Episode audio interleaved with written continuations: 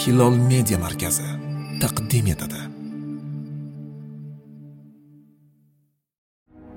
Shayx muhammad sodiq muhammad yusuf. Bozor va unga bog'liq masalalar. Assalomu alaykum va rahmatulloh. Bismillah. Alloh taolo marhamat qiladi. Alloh tijoratni halol qilgan riboni esa harom qilgan. Baqara surasi 275 oyat. Abu said roziyallohu anhudan rivoyat qilinadi. Nabiy sollallohu alayhi vasallam rostgo'y omonatli tojir nabiylar siddiqlar va shahidlar bilan birgadir dedilar. Termiziy rivoyat qilgan. Bismillahi rohmanir rohim bandalariga moliyaviy muomalalarni halol yo'llar bilan amalga oshirishni va harom yo'llardan chetlanishni amr qilgan alloh taologa bitmas tuganmas hamdu sanolar bo'lsin. Ummatlariga moliyaviy muomalalarni batafsil tushuntirib ularni qanday amalga oshirishni ko'rsatib bergan mahbub payg'ambarimiz muhammad mustafoga mukammal va batamom salovatu durudlar bo'lsin. Qadimgi fuqaholarimiz ushbu bozor va unga bog'liq masalalar deb atayotgan kitobimizda keladigan masalalarga oid bobni kitobul bay savdo kitobi deb atashgan. Har bir inson turmush taqozosi ila hayotida doimiy ravishda moliyaviy muomalalarga duch keladi va bu muomalalarda ishtirok etadi. Ayni shu muomalalar odamlarning ko'p vaqtini va faoliyatini o'z ichiga oladi. Moliyaviy muomalalar tartibga solinmasa ularning qoidalari bo'lmasa kishilar orasida kelishmovchiliklar ko'payishi aniq. Shuning uchun ham alloh taolo bu ishni o'z zimmasiga olgan va umumiy ta'limotlarni bayon qilib bergan. So'ngra payg'ambarimiz alayhissalom orqali bu ishlarning tafsilotini yo'lga qo'ygan. Shu tariqa savdo sotiqqa oid islomiy hukmlar musulmonlar hayotiga tatbiq qilingan. Islomdan oldingi davrdagi bu borada shakllangan noto'g'ri hukmlar birin ketin bekor bo'la boshlagan. Keyinchalik fuqaholarimiz ushbu mavzuda kelgan oyat va hadislardan chiqadigan hukmlarni tartibga solib ishtihod darajasiga yetmagan musulmonlar uchun ularga yordam tariqasida osonlashtirib tushuntirib berishgan. Hozirgi kunimizda odamlar orasida moliyaviy muomalalarda turli kelishmovchiliklar urush janjallar va mahkamabozliklar chiqayotgani hech kimga sir emas. Bu kabi noxush holatlarni kamaytirish uchun nima qilish lozim? Bizningcha shariatimizda ko'rsatilgan ta'limotlarni yaxshilab o'rganib ularga amal qilish zarur. Moliyaviy muomalalarda asosan halol va harom masalasi juda zarur hisoblanib u yoki bu ish halol yoki harom ekani surishtiriladi. Ayniqsa bozor muomalalarida bu ishga katta ahamiyat berish lozim. Alloh taolo baqara surasida marhamat qiladi. Holbuki alloh tijoratni halol qilgan riboni esa harom qilgan. 275 oyat. Chunki tijoratda foyda ko'rishning ham kuyib qolishning ham ehtimoli bor. Tijoratda insonning mehnati mahorati atrofidagi tabiiy holatlarning foyda yoki zarar ko'rishga ta'siri bor. Savdogar foyda ko'rishga umid qilgani holda kuyib qolishni ham bo'yniga olib ish boshlaydi. Xarajat qilib odamlarga kerakli mollarni olib keladi saqlaydi va boshqa xizmatlarni qiladi. Mazkur sabablarga va yana zikr qilinmagan boshqa sabablarga ko'ra tijorat bilan shug'ullanish inson uchun halol qilingan. Alloh taoloning savdoni shariatga kiritishi qur'onda uning hukmini bayon qilib payg'ambarimiz sollallohu alayhi vasallam uni hayotga tadbiq qilishlari va ko'plab hadislar aytib yo'l yo'riqlar ko'rsatishlari bejiz emas. Chunki savdo insonlarning bu dunyodagi o'zaro muomalalaridagi asosiy jabhalardan biri hisoblanadi. U to'g'ri nizomga solinmasa inson hayotini tartibga solib bo'lmaydi. Chindan ham inson yolg'iz o'zi yashay olmaydi. U o'ziga o'xshash boshqa insonlar bilan yashaydi. Boshqalar bilan yashagach ular bilan muomalada bo'lishi narsalarini ayirboshlashi oldi berdi qilishi kerak. Agar bu muomalalar tartibga solinmasdan odamlarning o'zlariga tashlab qo'yilsa kuchli kuchsizni aqlli aqli ozni aldashi haqqini poymol qilishi turgan gap. Mo'minlarning barchasi uchun mazkur iqtisodiy muomalalar odobi ularning barchalarini yaratgan ularga rizq berayotgan va oxiratda har birlarini hisob kitob qilib qilmishiga yarasha jazo yoki mukofot beradigan zot alloh taolo tomonidan joriy qilingandagina ayni adolat bo'ladi. Birovga zarracha zulm qilinmaydi. Ana o'sha ilohiy ko'rsatmalarga amal qilish orqali tinchlik va osonlik bilan murodga yetiladi. Eng muhimi bu muomalalar ibodatga aylanadi.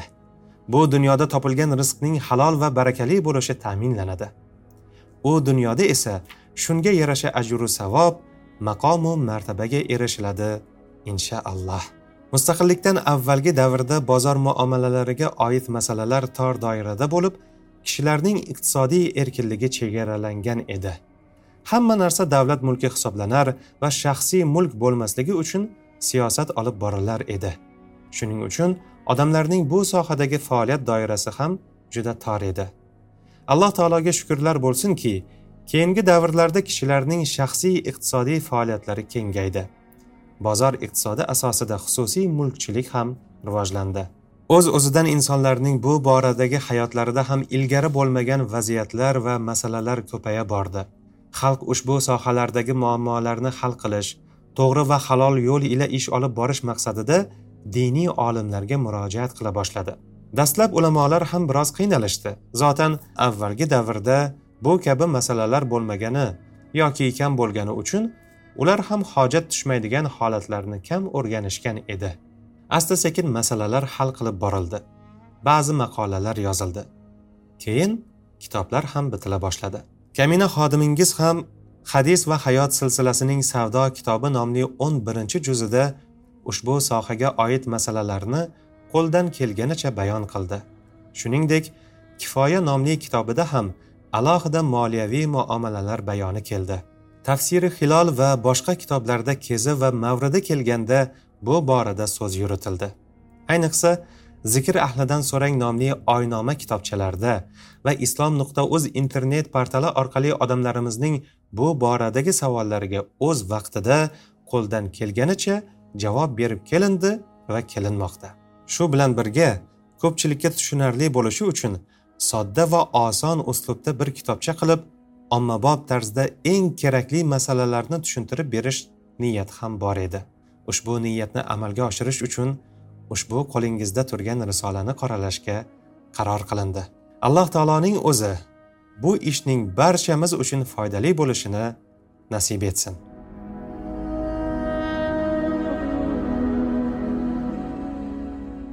Alloh taolo qur'oni karimda mo'min musulmon bandalarini halol rizq yeyishga qayta qayta amr qilgandir. U zot bu ishga alohida ahamiyat bergan. Alloh taolo baqara surasida marhamat qiladi. Ey odamlar yer yuzidagi narsalardan halol poklarini yenglar va shaytonning izidan ergashmanglar chunki u sizlarga ochiq oydin dushmandir. Bir yuz oltmish sakkizinchi oyat. Ushbu oyati karimada alloh taolo faqat mo'minlarni emas balki barcha odamlarni halol pok narsalarni yeyishga da'vat qilyapti. Alloh taolo yer yuzidagi bandalari uchun yaratgan noz ne'matlarining halol poklaridan yeyishga umumiy ruxsat bermoqda. Halol pok ne'matlarni nomma nom sanab o'tirishning hojati yo'q. Ular ko'p harom nopok narsalar juda ham oz. Kezi kelganda ular sanab o'tiladi. Halol so'zi lug'atda yechilgan degan ma'noni bildiradi. Chunki halol narsadan man qilish tuguni yechilgan bo'ladi. Islom dinida yeyiladigan narsaning halol bo'lishiga katta ahamiyat beriladi. Jumladan ushbu oyatda ham bu narsa alohida ta'kidlanmoqda. O'tgan ahli solihlarimizdan sahl ibn abdulloh najot uch narsada halol yeyish farzlarni ado etish va nabiy alayhissalomga ergashishdadir deganlar. Oyat karimada shaytonning izidan ergashish halol pok rizqlarni yeyishga zid qilib qo'yilmoqda. Ya'ni bu shaytonning yo'lida yurganlargina halol pok yemaydilar deganidir.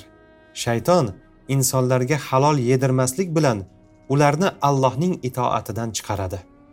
Shaytonning yetoviga tushib qolgan nodon inson esa halol haromni farqlamay naqadar ulkan gunoh qilayotganini o'zi bilmaydi hatto his etmaydigan darajaga tushadi. Unga haromni yemaslikni nasihat qilsangiz yesam nima bo'pti deydi. Mana shu holi uning shayton yetovida ekaniga dalildir. Alloh taolo moida surasida marhamat qiladi. Va alloh sizga rizq qilib bergan narsalardan halol poklarini yenglar. O'zingiz iymon keltirgan allohga taqvo qiling. sakson sakkizinchi oyat. Alloh taolo anfol surasida marhamat qiladi. Bas o'ljaga olgan narsalaringizdan halol pok holda yenglar. Allohga taqvo qilinglar. Albatta alloh mag'firatlidir rahmlidir. Oltmish to'qqizinchi oyat. Alloh taolo nahl surasida marhamat qiladi. Alloh sizga rizq qilib bergan narsalardan halol pok holda yenglar. Va agar ungagina ibodat qiladigan bo'lsangiz allohning ne'matiga shukur qilinglar. bir yuz o'n to'rtinchi oyat. Ushbu keltirilgan va ulardan boshqa oyatlar va rasululloh sollallohu alayhi vasallamning hadislari asosida bizning dinimizda har bir mo'min bandaga faqatgina halol rizq topish farz qilingandir. Mo'min musulmonlarga halolga imkon bo'la turib haromga qo'l urish mutlaqo mumkin emas. Assalomu alaykum va rahmatullohi va barakatuh.